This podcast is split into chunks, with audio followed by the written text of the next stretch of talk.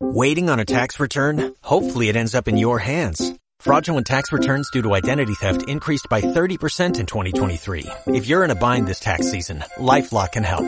Our U.S.-based restoration specialists are experts dedicated to helping solve your identity theft issues. And all LifeLock plans are backed by the Million Dollar Protection Package. So we'll reimburse you up to the limits of your plan if you lose money due to identity theft. Help protect your information this tax season with LifeLock. Save up to 25% your first year at LifeLock.com slash aware.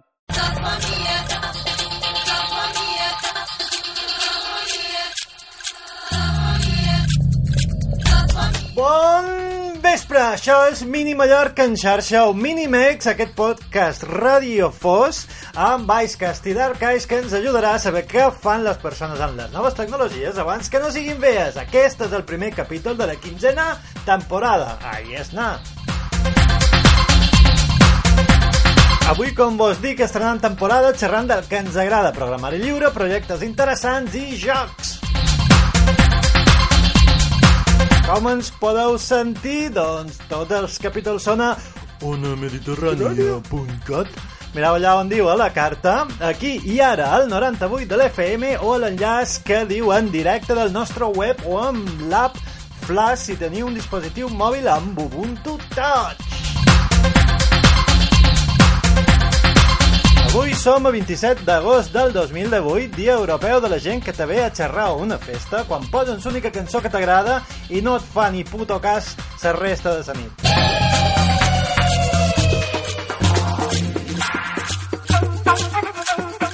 On som? Als estudis exteriors dels directes soterrats. Qui som? Doncs som en arroba Mussol, el nostre main host i senyor agitador de masses que et pot xerrar de feminisme d'en Mel Gibson, la fi del món o Linux a la mateixa conversa. I qui vos parla, en Joan Sobruixip, alias té un moment perquè li parli de la ficció interactiva dels 80 i que és l'obèdit més xera-xera de la ràdio Ciber.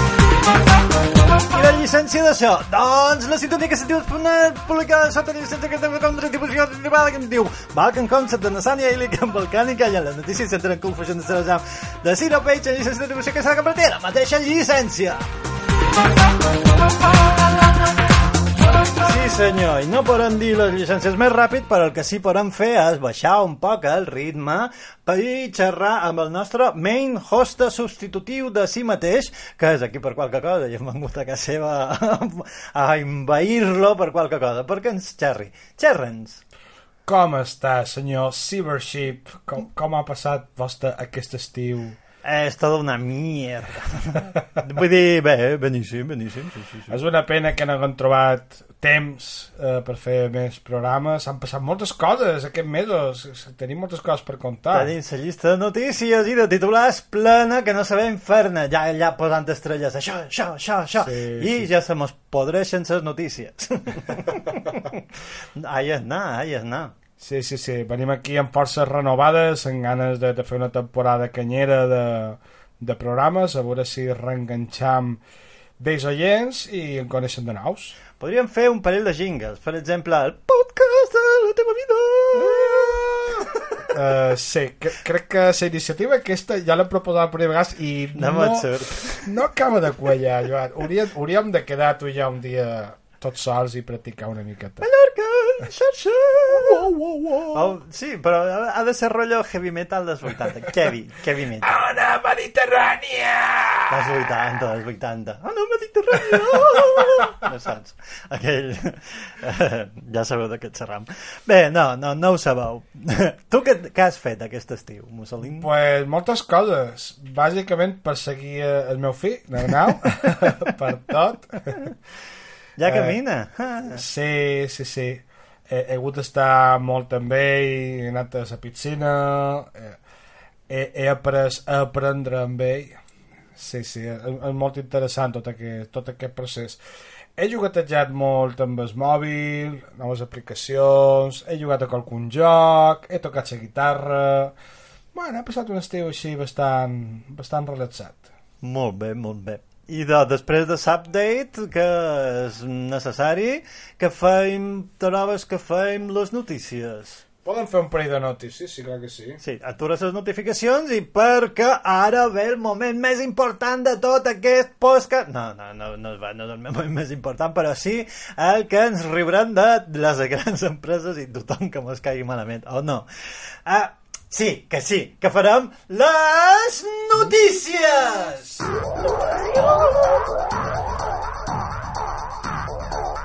I per on començam amb amb les notícies, mem? Podem començar per, per un lot australià que, que ha hackejat els servidors d'Apple. Apple Who? bueno, m'ha m'ha fet gràcia aquesta notícia. Mm, destaquen molt que és un adolescent, com si un adolescent no pogués ser un hacker super eficient, no? Caquer.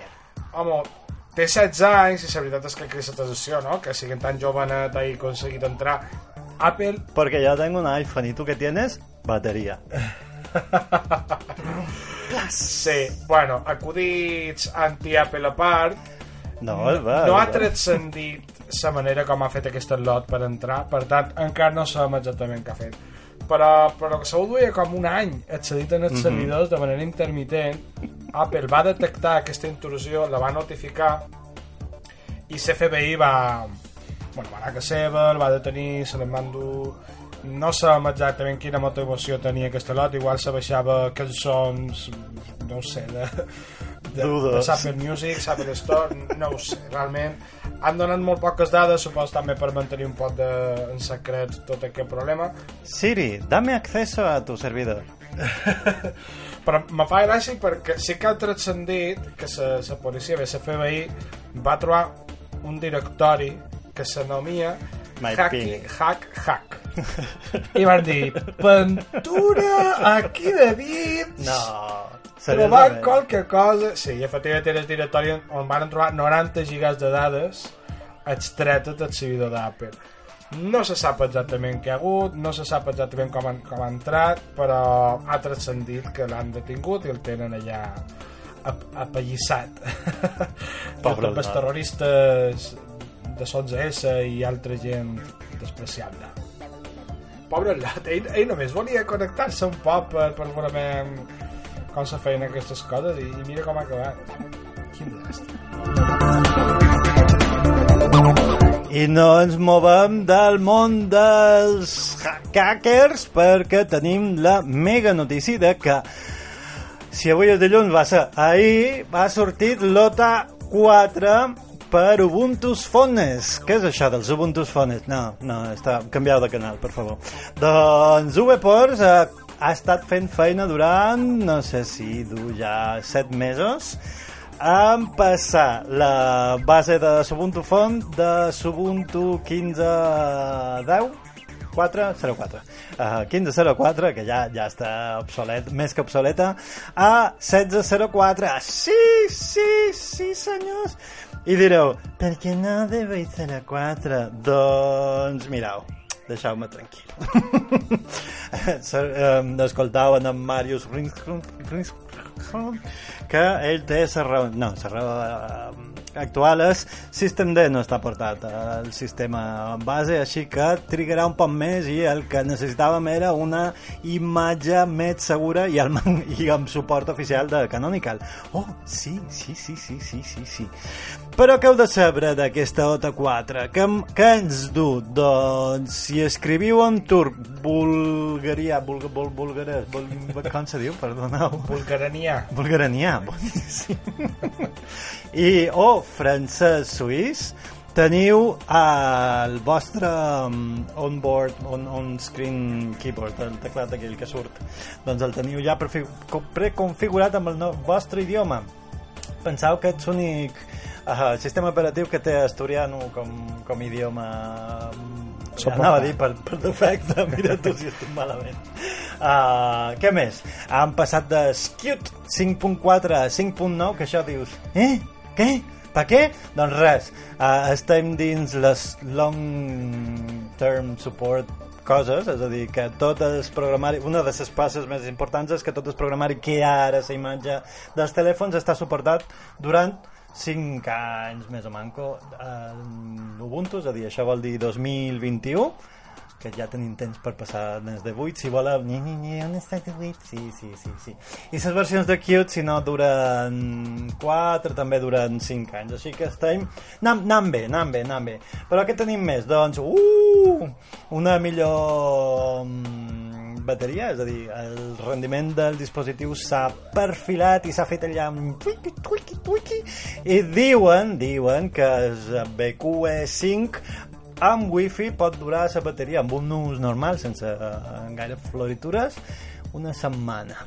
Una setmana. Jo record no quan me durava una setmana la bateria del mòbil. Era el meu Alcatel One Touch Easy aquell Alcatel! que no el recarregava ni, ni, ni vamos. Sí, com, com hem passat d'una setmana a un dia? O amb, amb el BQ bueno. dos dies? Perquè som, som molt intel·ligents, els mòbils, dic. Sí, per nosaltres, no.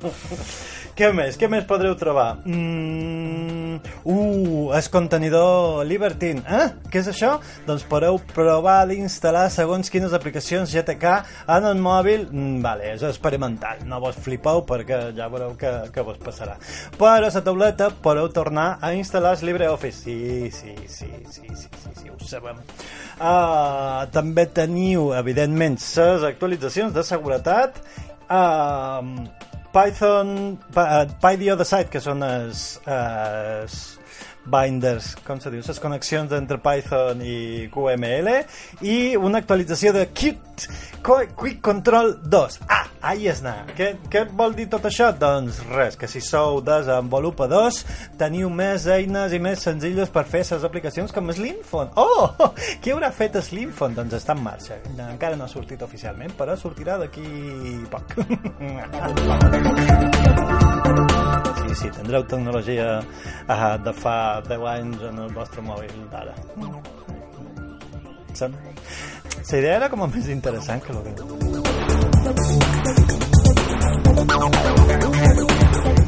I jo passaré dels hackers a les pirates, que no sé si hi ha molt de recorregut tots els uns altres, però en, en aquest cas eh, els pirates han resultat ser eh, missers eh, que tenien un, un gabinet d'advocats que pujaven ells mateixos les pel·lícules piratejades per després denunciar a qui se les baixassin.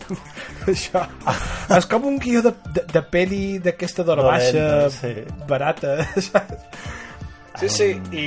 Johannes És, Furgen...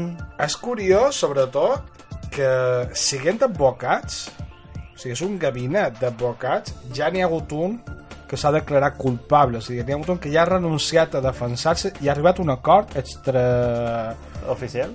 Bueno, més que... Eh, eh, extrajudicial, seria, si per no arribar a judici s'ha estimat més declarar-se culpable i pagar una quantitat Perquè incitació en el delicte és un delicte. És un delicte. Efectivament, de fet, anem, que ho tinc per aquí apuntat, eh, l'han condemnat per robatori d'identitat, tergiversació d'accions pirates...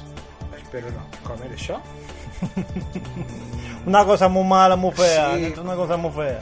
Frau postal i electrònic, conspiració... Bé, no sé. Ah, també eh, feien neteja de, de dobbers negre. Vull dir, per lo vist... No està només a un costat. La pirateria de, de la darrera pel·lícula de, de The Rock era lo, lo, vamos, era pecat a minuta per ells.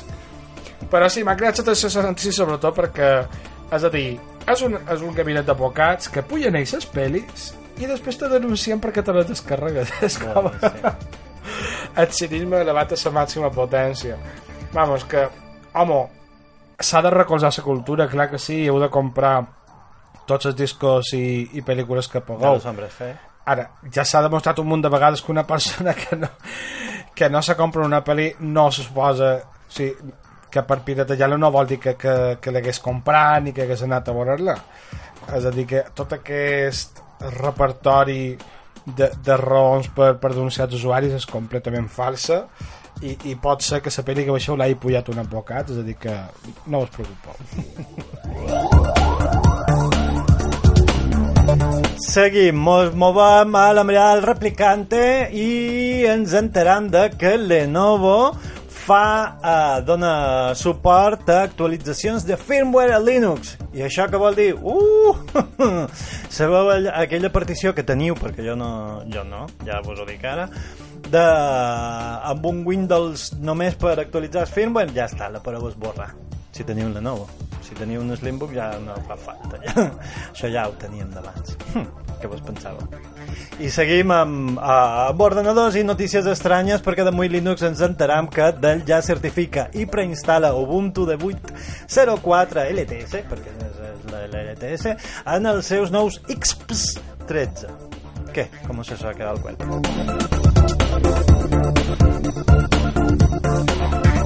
I jo he trobat una altra notícia que m'ha creat atenció sobre l'addicció en el mòbil. Tu, tu ets addicte en el mòbil, No, senyor Cybership, no, què és això? que el mires, segons aquest article, cada 12 minuts. No ho sé. 150 vegades en el dia. 150. Te diré una cosa que m'agrada de Benjamí, un besit de Benjamí, que és, ets addicte al frigorífic? Bueno, és, és, una, és un bon símil. La qüestió és que hi ha gent que creu que és addicte al mòbil i que s'ha fartat una miqueta d'aquesta dependència i s'ha creat un, un, un nou tipus de, de, de mòbils, una nova família, una tendència que és el contrari de- dels telèfons intel·ligents, que són els telèfons beneits, en anglès dumb phones. L'Alcatel 01 Plus mega guai, aquell que des tu, de la setmana de bateria. Sí, el més conegut és un que es diu Lightphone i bàsicament és un mòbil que té un llistat de, eh, de contactes, un marcador de, de números clàssic i ja està. Ja no té absolutament res més.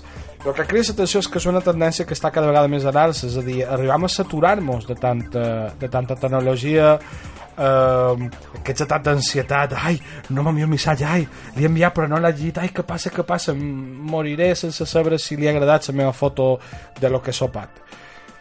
I de, la gent se vol desenganxar de tot això, podríem fer un especial sobre bon ús de, de Home, deja el mòbil! d'això. O sigui, la qüestió és que eh, és una tendència a l'alça, gent que no vol saber res del mòbil, simplement vol telefonar tant en tant i que el telefonin i ja està. M'apareix una bona iniciativa si no ets com nosaltres, eh? un punyetero viciat. Eh, un moment. jo quan som No t'ha agradat aquest plural? Senyor Majesta- Shirashid. Era majestàtic. Aquest plural t'inclou clarament a tu. vale, vale, me, me sembla... De vegades t'envio un missatge i dic, com és que no em contesta? Com és que no em contesta? Perquè estic fent feina, estic fent una altra cosa. No. Mira per la finestra. No, arribarà un punt que el Estic tindrem... mirant la paret. Arribarà un punt que el tindrem enganxat així. Saps com, com en Son Goku allà que venien els de Namek i tenien aquella pantalleta Google davant d'un ull? No, gràcies no valen. Ha de ser com, com Son Goku. O sigui, ha de, ha de ser més així com a... Ha de ser de Microsoft. analogia Microsoft. namaquiana que te diu qui, quina força té l'altra persona. Si no serveix per res, segur que és de Microsoft. faltava, faltava sa pulla aquí, el comentari un contra besito. Microsoft. sí. Bueno, resumint, si estàu farts, si voleu desconnectar eventualment Desconnectar Eh, les notificacions. de la tecnologia, compreu-vos un light phone i sereu un poc més feliços. I a l'altre costat de la valla, doncs podem dir-vos que si us agraden les actualitzacions, les notificacions i les converses exportades, baixeu-vos la nova versió de Telegram que té nous temes en el format de Passport. Què és Passport? Ah, moltes gràcies per demanar-ho. És un format d'encriptat que fa servir es, um, la criptomoneda bonificació per guardar les vostres dades i tenir un passaport virtual. Ho hem, des, ho hem provat encara? No, però mm, bé, ja no, no, arribarà a qualque moment. No, tots, tenim una versió antiga d'això. Eh, exportació de, de xat, sí, sí, sí, exacte. Te Temes nocturns. Joan, te bloqueges. Perquè és Telegram, és un... un hola, sí. Jo crec que ja està. Va, va. Com que, com que és, que, que és Telegram? A ver, señor, apague su iPhone y, y siga escuchando. i un altre hacker encara més jove Un altre. que el primer. Sí, sí, és que... Que ha entrat dins han els passat molt- de Microsoft. Siri, déjame entrar en el servidor de Microsoft. La gent que s'estiu sabons molt i diu què, què puc fer? Doncs pues vaig a hackejar els Coses. sistemes de, de, de vot de les seleccions americanes. D'americanes d'Estats Units. Sí, eh, es, estatunidenques.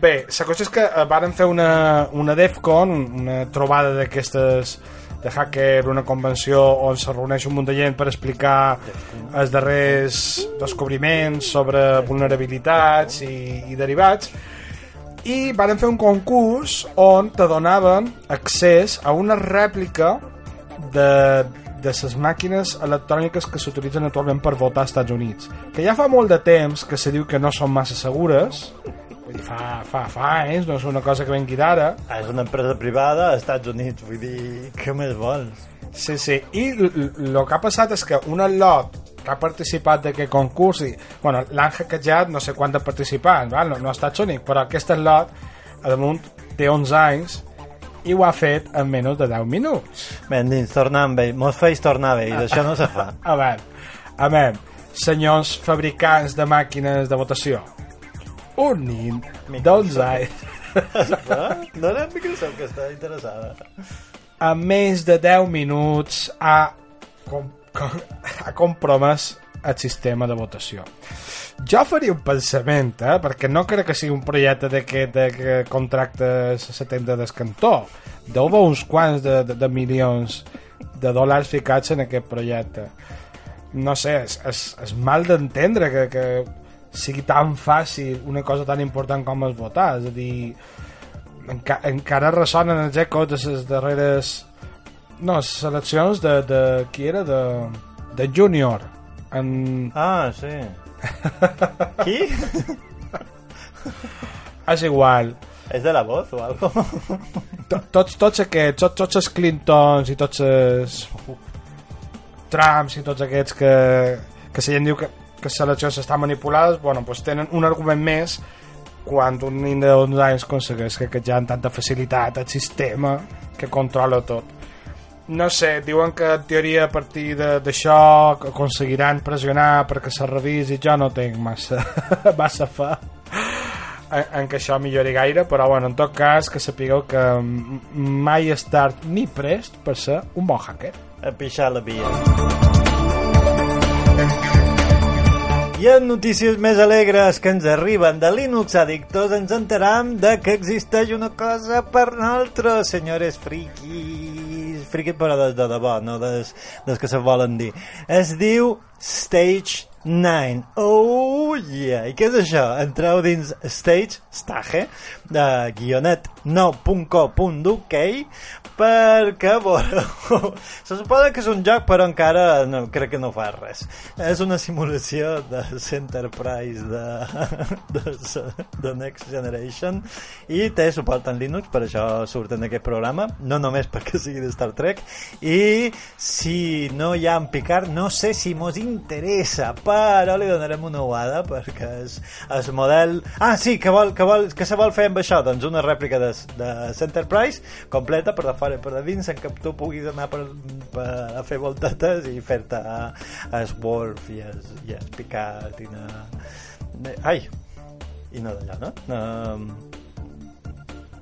Troy, punyetes. És que com... El... te tornes a bloquejar Som... no en sopat A- ara quan acabem anirem a sopar Soping, soping, soping. I de fa un parell de setmanes eh, varen treure la versió 6.1 de LibreOffice. Uh, Eh, té tot un conjunt de millores habituals, eh, en diferents mòduls, han arreglat molt de bugs, però sobretot hi ha una part bastant important que darrerament està pegant molt fort, I és que que és funciona. tota la part de LibreOffice Online. Eh, és a dir, veritat. eh, te permet executar LibreOffice com a servidor de tal manera que tu hi accedeixes per editar via, via un navegador documents molt parescut a altres serveis com, Com els de Google Docs o, Nextcloud.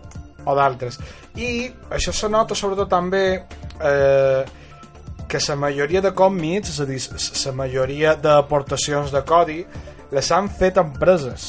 És a dir, és vera que LibreOffice és un projecte que està conduït per la comunitat, però també és cert que té molta influència per part de les empreses que hi col·laboren, perquè són les que realment estiren cap als interessos més corporatius que puguin tenir.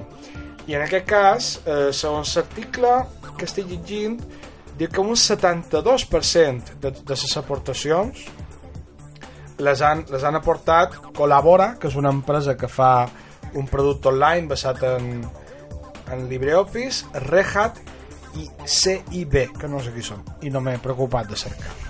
En tot cas, eh, Pobra gent. un altre 28% sí que són voluntaris d'aquests que poden trobar a qualsevol altre projecte, però trobo interessant això, que la part corporativa cada vegada està portant més a, a LibreOffice. OpenOffice ja està com a... Uh? OpenOffice està com... O sigui, No, se fa servir a crec que Oracle no hi ha cap producte que hagi agafat de la comunitat i hagi fet res positiu. En sèrio. O sigui, Oracle is the new Microsoft. Jo flip com una empresa de, de la grandària d'Oracle no és capaç de mantenir un mínim de coherència amb els projectes comunitaris que ha absorbit. Perquè no els interessa. MySQL se n'han anat tots a Maria de B. Uh, OpenOffice és que han hagut d'acabar donant-ho a la a la fundació Apache i en el final ja ni, ni així la gent s'hi vol, s'hi vol tirar No, perdona, és l'administració. Jo, tot, jo insisteix que l'administració ara descobreixen l'OpenOffice. Que dius, la mare que us va parir. Bueno, en tot cas, el LibreOffice està clar que ha agafat el testimoni, ha un d'empreses col·laborant i les millores són brutals. És a dir, tot aquest problema d'importació de, de documents eh, de Microsoft Office, això ho han, ho han solventat superbé i se, i se nota que han anat a, un, a crear un producte que puguis instal·lar una empresa i fer feina exactament igual com, com en qualsevol altre paquet ofimàtic. Llavors dones titular de Forònics de que Nom celebra el seu 21è eh, cumpleaños re... sur- publicant el nom 3.29.91 eh? i doncs sí no sortim de Forònics perquè ens enteram d'una notícia que ens fa trontollar i sacsejar i mm, que és que l'Ubuntu planeja passar-se a Wayland portant OpenBox a Mir. Eh? doncs sí, sí, sí, sí. Com que Mir? Mir no està mort, no, estava de parranda. I Wayland no funciona? Sí, funciona, lo que passa és que si tenia una Nvidia... Pues... Anda ja, hombre. Doncs què passa amb OpenBox? OpenBox és aquell gestor d'escriptori tan lleuger que se posa en marxa i tu dius quan se posarà en marxa l'ordinador? No, no, no, ja hi és. Doncs quan tingui suport de Mir i faci servir Wayland, doncs l'Ubuntu serà la bomba, supos, no ho sé. I ara una notícia que m'ha recordat un comentari que m'ha fet un company de feina uh. uh, fa temps que m'ha dit trabajas? no hi ha límit conegut encara per la capacitat de la fibra òptica Ah, és a dir, encara no saben exactament quantes dades se poden arribar a transmetre per fibra òptica és que te doni és- telefònica, no?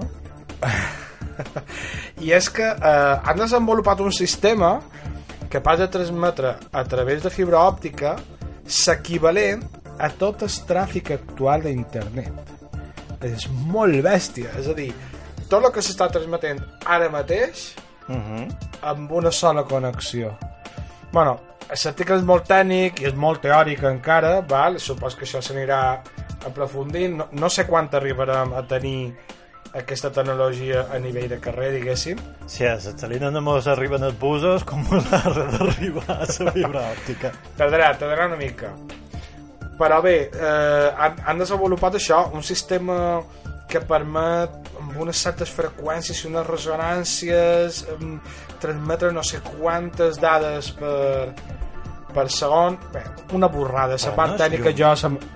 Llums són partícules o són ones? Han de fer un altre programa només per discutir això la qüestió és que eh, encara no se sap si això és límit o no de lo que se pot transmetre per una simple fibra òptica en tot cas és un, un augment brutal de lo que ara mateix eh, s'està transmetent. És a dir, tots aquests cables que tenim transatlàntics que ens comuniquen entre continents igual passaran molt d'anys i encara els podran fer servir gràcies a que se descobriran noves maneres uh -huh. de transmetre més dades per la mateixa fibra. I serà com les estrelles que n'hi ha que veiem però que és perquè la llum encara mos arriba però no hi són?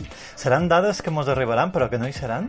Uh, mos hem equivocat de programa? Esto es meta, me, mextafísica.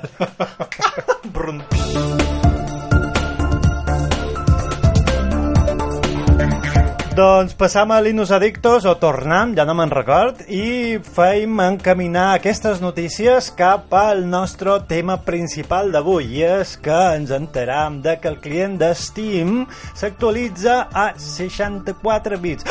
Oh, oh, oh, sí, sí, sí, sí, Linux amb 64 bits amb Steam, vull dir, clar. Què passa? Hmm, doncs que ho enllaçam en la notícia d'Ubuntu Zando, que és que The Day of the Tentacle estrena seqüela seqüela no oficial, feta per fans i que és un nyarro, ja vos ho dic jo ara, però si ho voleu testejar i provar, endavant. Doncs, no fa falta, però se, se pot fer. I per què vos deim tot això que està a través de Valve? Oh, perquè deixem les notícies uh, uh, uh, uh, uh, uh.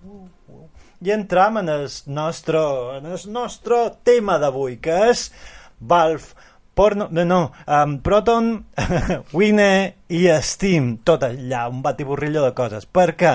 Perquè ens agraden els jocs. Jo no ho entenc, perquè els jocs que jo jugo, que són aquells de mm, Go North, què veu? Ja funcionen a Linux. Són jocs d'un D, d'una sola dimensió. bueno, a, a part de, a part de i dos tu, dits. senyor Cybership, a part de tu, uh -huh. la resta del món juga a jocs una miqueta més avançats, que és que tu jugues uh, i eh, tots hi han jugat alguna vegada són molt divertits, però I explica avançats, perquè que tinguin més polígons no significa que estiguin avançats. Que te puguin respondre quan sigui una persona, això és avançat. que soni música mentre jugues ara me diràs, però n'hi ha un de conversacional Se que té pot- música. Se pot fer. De ja fet, ho sé, ja ho sé. Però Mem, és com quan eh, en Charles Chaplin va dir mai faré una pel·lícula en color. No, perdona, mai faré una pel·lícula en so. I llavors es- va dir pues igual sí que en podria fer una. I va fer el gran dictador. Bueno, que mos desviem que mos desviem, Joan. La cosa és que eh, jocs de colorins. Anem a posar un poc així en, en, en situació de la Què ha passat? Perquè Twitter està allà. Jo no m'entenc. Què ha passat? Sí, sí, per, per recapitular una mica. Valve, o Valve, pronunciat en, en el nostre català de, del Mississippi profund, és una empresa eh, desenvolupadora de videojocs que té una plataforma eh, de distribució de jocs que se diu Steam.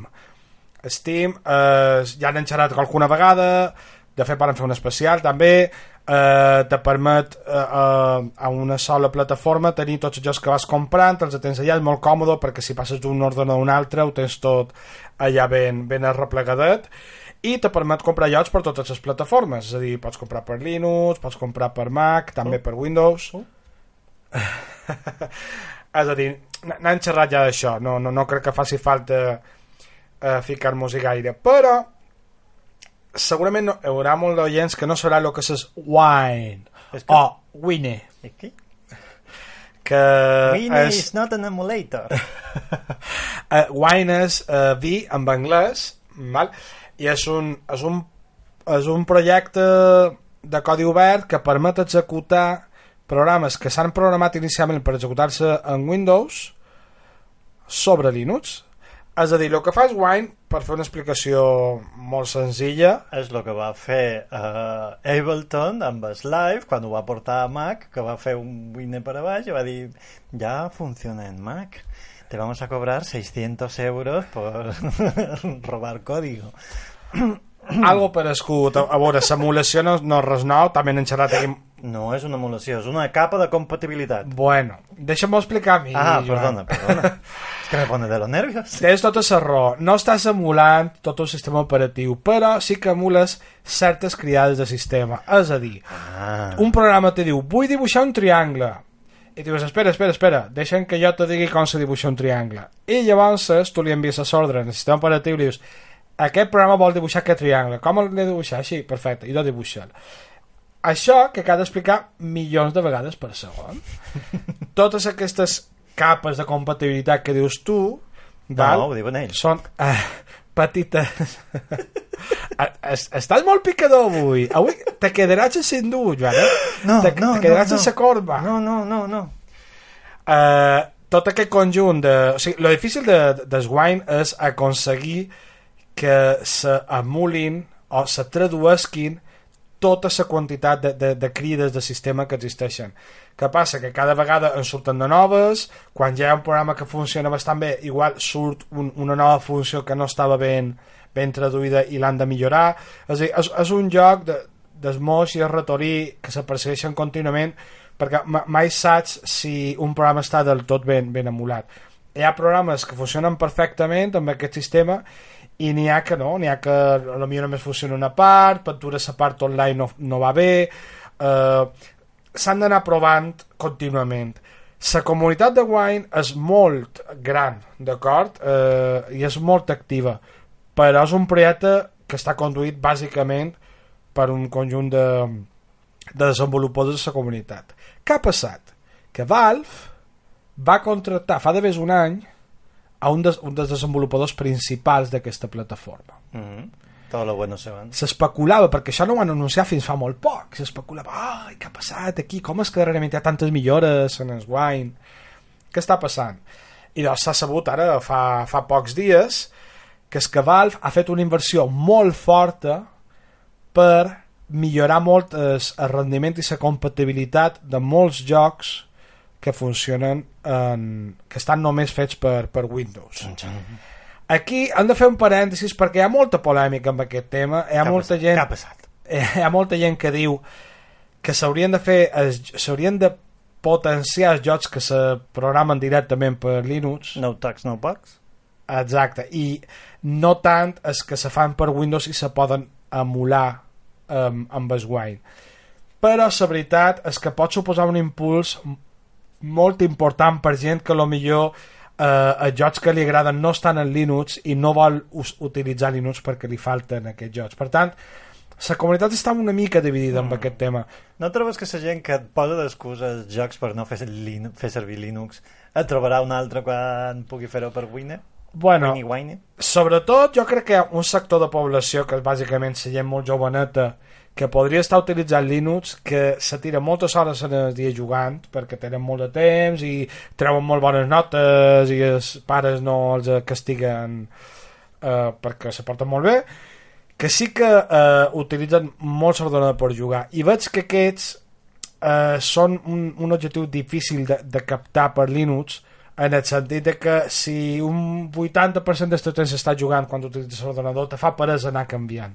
Jo he estat usuari de llocs que només estaven en, en Windows i que, que, que feia jo? Pues, tenia dues particions i anava canviant d'una a l'altra sí, ja ho sé, ja ho sé, el meu passat me persegueix.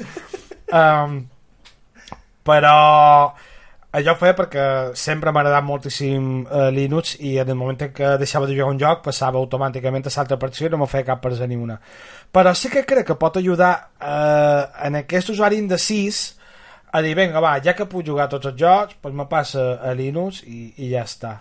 És a dir, que jo sóc partidari d'aquesta nova plataforma que, que ha impulsat Valve. D'acord? Bé, només això, que hi ha una miqueta de, de polèmica. Què ha fet exactament Valve? Eh, ha agafat una branca, la branca, la darrera branca estable de, de Wine i n'ha desenvolupat una seva pròpia que anirà passant, o sigui, no, no és un fork, d'acord? No, no ha dividit el codi, simplement ha agafat un, una, una, una branca, l'està millorant i després incorpora totes aquestes millores a la branca principal de Wine. No és intenció fer un producte a part, però sí que s'ha notat molt d'avanços en certs aspectes, hi ha totes aquestes llibreries noves que no sé si, si jugueu i això, sabreu que hi ha és és Vulkan, que està ara com a molt de moda, és un sistema que permetrà fer un, una portabilitat més fàcil entre diferents jocs. Hi ha eh, DirectX, és el, el sistema gràfic és exclusiu de Microsoft. Caca. I el que ha fet Wine és fer una llibreria que se diu DXBK, és a dir, uh -huh. DirectX, Vulkan, i que permet fer aquestes traduccions entre els dos sistemes, en pla vull un triangle, vull un polígon, vull una textura perquè I, Vulkan que... sí que és multiplataforma. Sí, Vulkan eh, no només és multiplataforma sinó que una cosa molt important que han fet Vulkan és des del principi donar molta ajuda als desenvolupadors que vulguin portar els seus jocs però sempre hi ha gent que li fa peresa hi ha molt de motius que alguns seran més vàlids que uns altres però la realitat és que tot i que hi ha moltes eh, companyies de videojocs que, que treuen jocs per Linux eh, encara n'hi ha moltes que no ho fan. Per Ho tant eh, el sistema aquest mm, en principi hauria de facilitar que sobretot aquestes eh, sobretot aquests jocs que són jocs que millor estan desenvolupats per un, un o dos desenvolupadors independents que no són molt grans, que no se poden permetre invertir molt de temps perquè no tenen realment molta pasta i, i són jocs que tampoc utilitzen tecnologies massa complexes, tots aquests jocs eh, directament seran compatibles. És a dir, mi, mirant ara dades de, de les proves que han fet, res, en una setmana, estem xerrant de que ja directament s'han detectat gairebé mil jocs compatibles amb aquest sistema. però si no tenim tant de temps com per jugar-los tots Mil jocs és aproximadament un 20% dels que hi havia ara, o sigui, n'hi havia d'haver 5.000 ja natius a Linux, que no són pocs, però que de cop i volta, amb aquest, amb aquest canvi, en tenen 1.000 més. I això que encara no els han provat, o sigui, tots, la comunitat se suposa que els anirà provant i eh, encara està en fase beta això, d'acord? No, no és una cosa que va al pa i tret de cop i volta perquè tothom ho utilitzi, sinó que anirà introduint-ho a poc a poc i jocs oficials que funcionin bé Valve els atraurà en comptagotes però aprofitant-se de tota l'ajuda comunitària sí que hi haurà jocs que funcionaran al millor gairebé perfectament, fallarà una petita cosa, però seran, seran jugables. D'acord? I els deixaran que en una setmana ja seran detectat mil. És molt bèstia, o sigui, és, és, el creixement pot ser brutal a partir d'ara. D'acord?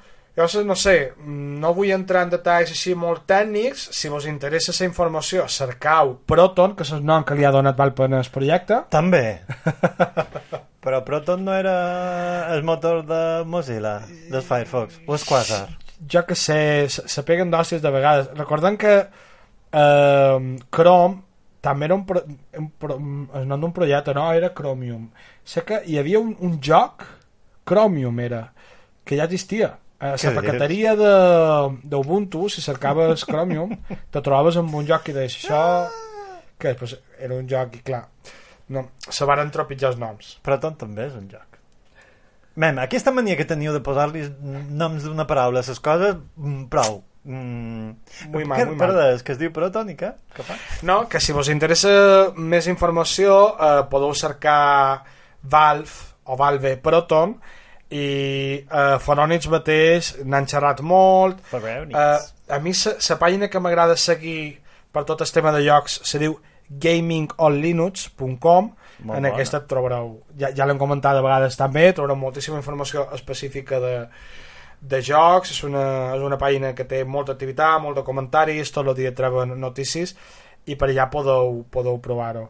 Si voleu provar el sistema aquest, eh, el que heu de fer és anar a les opcions de Steam, trobareu una pestanya eh, dins de les opcions que se diu Steam Play, eh, que és un poc el nom eh, comercial que li han donat, Proton és el nom intern, diguéssim, i Steam Play és el nom que li han donat a l'aplicació d'acord, ho veureu allà i veureu que bé, que hi ha una sèrie d'opcions per activar-ho no, no és massa complicat per activar-ho ara, eh, vos vist està en fase beta, no, que no vos estranyi que hi ha coses que no vos funcionin Pam, pum. Ai, ai, ai, la partida no la tenia gravada no, he de tornar a la princesa matar el drac Quina que, princesa. eh, No, jocs sexistes no. Basta. ah, que ets la princesa que me salva a mi mm, perfecte També és sexisme, no? És metasexisme. I d'això, provau el Proton i mos comentau què tal vos ha anat, a veure què tal evoluciona a partir d'aquí. Uh, me sap greu, senyor Cybership, crec que no hi ha cap lloc conversacional en aquests mil. És que no fa falta, ja hi funciona. Hauràs de posar una queixa a... Però crec que teníem Ja una altra funciona, ja notícia funciona d'un joc clàssic, no?, que volíem comentar... Ah, sí, sí, no, no me'n record. Com que no? Ha sortit un remake boníssim. De què? Joan, Farem no una... Si, decepcionis. si vols, jo te puc xerrar de coses mentre tu cerques, perquè No, me'n es. Day of the Tentacle. Ja ho hem dit. Ja ho han dit. Ja ho hem dit. M'estàs dient que has dit una notícia i no m'he enterat? Sí, No men, pot ser mai. fe- Rebobina. Jo pensava que estava sort, però no, és que estic beneit. La seqüela? No te'n recordes de la seqüela? Ok, ok. I que l'hem provat i és que... Bueno. La, Si la sensació de jugar jocs antics de vegades és, és com, com rellegir un llibre o revisu- revisualitzar una pel·li de vegades no, No fa falta. no fa falta Quedau-vos amb Infocom i Level 9 i ja està, estareu, estareu segurs. De fet, totes les aplicacions per jugar a jocs conversacionals estan actualitzades a, a Xenial. Que ho sapigueu. Ah, i havien de donar la notícia del llibre que ha escrit en... Ara vos ho diré. Vos ho diré. Ai, que has perdut tu ara la recordo. notícia Sí, ja he, he perdut els papers. Mi, mira que tenim aquí quatre ordenadors en marxa, una tauleta, dos mòbils, i encara així mos falten pantalles per... Ai, notificacions, notificacions, necessito notificacions. doncs, uh, el llibre es diu La aventura colossal, que podeu comprar ara de forma oficial. Ah, ah, ah, vos heu perdut els, els adhesius, sense travieta. A Dolmen Editorial, que ja me val, en lloc de comprar-la per correu, podria haver anat uh, l'editorial a Palma, ja vos ho dic ara, ciutat, si sou ciutadans, centralista, podeu anar a comprar-la els llibres d'en Jesús Martínez del Vaz uh, com? Qui? Si, si vos en recordeu de poc el jueves, doncs el mateix. Ha fet la història de la interacció no, de la interacció ficcional no, de la ficció interactiva. Des del 80 fins ara fent eh, especial um, d'això, com se diu quan poses el dit a un lloc i fas que se centri el tema allà Objectiu. Uh, les aventures conversacionals fetes en castellà o a... Tot, tot allò que se perd a les històries de la ficció interactiva al món anglosaxó perquè no sap un altre idioma, un besito anglosaxons, uh, doncs um, en aquesta publicació de Jesús Martínez està recollida a Aventures AD, etc etc. La història general, però fent més, més pes a la ficció interactiva feta a Espanya hi ha una petit, un petit mm, capítol per la reconstrucció d'esdat Sí, sí, sí, sí. Ja entram dins terreno sospitós. Heu de llegir-ho, sap greu. Mm, Vos ho compreu, està barat, està Dolmen Editorial i fins aquí jo crec que ja no se pot dir pus. Has trobat el que havies de trobar? Sí, avui mos acomiadarem amb un record especial que tenc. Doncs jo ja don besos ara, perquè jo me voy. molt d'amor i molts besitos. I què ens havies de dir? I del que vaig sortir amb un analista que va fer un sistema de reconeixement i classificació de fruites i verdures com a projecte de final de carrera. ¿Las manzanas cómo se acuestan para tener manzanas? Ella m'explicava que automatitzar un procés així estalvia moltíssima feina a les empreses. Una tomàtica negra, fora. Una mongeta de forma, fora. Aquest procés implicava l'aplicació d'algoritmes complexos de reconeixement de formes i colors. 15 anys més tard, llegesc que Amazon utilitza un sistema semblant per reconèixer delinqüents. El problema és que les verdures que no passen estall acaben triturades per fer compost, mentre que les persones assenyalades pel dit digital acaben a la presó.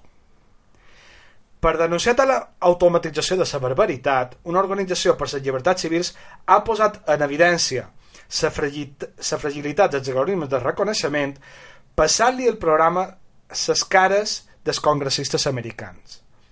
Resultat, 28 positius. A part de la conya fàcil sobre els delinqüents que ens governen, fa feretat veure com s'apliquen les tecnologies per decidir el nostre grau de criminalitat. Per sort, degut a la poca eficàcia del sistema, han decidit abandonar-lo per ara. Però jo no me quedo massa tranquil. crec que preferiria ser una tomàtica ben vermella i rodoneta i així el manco estic segur que l'algoritme m'atriaria i qualcú faria un bon trompó a la meva salut. Bon estiu.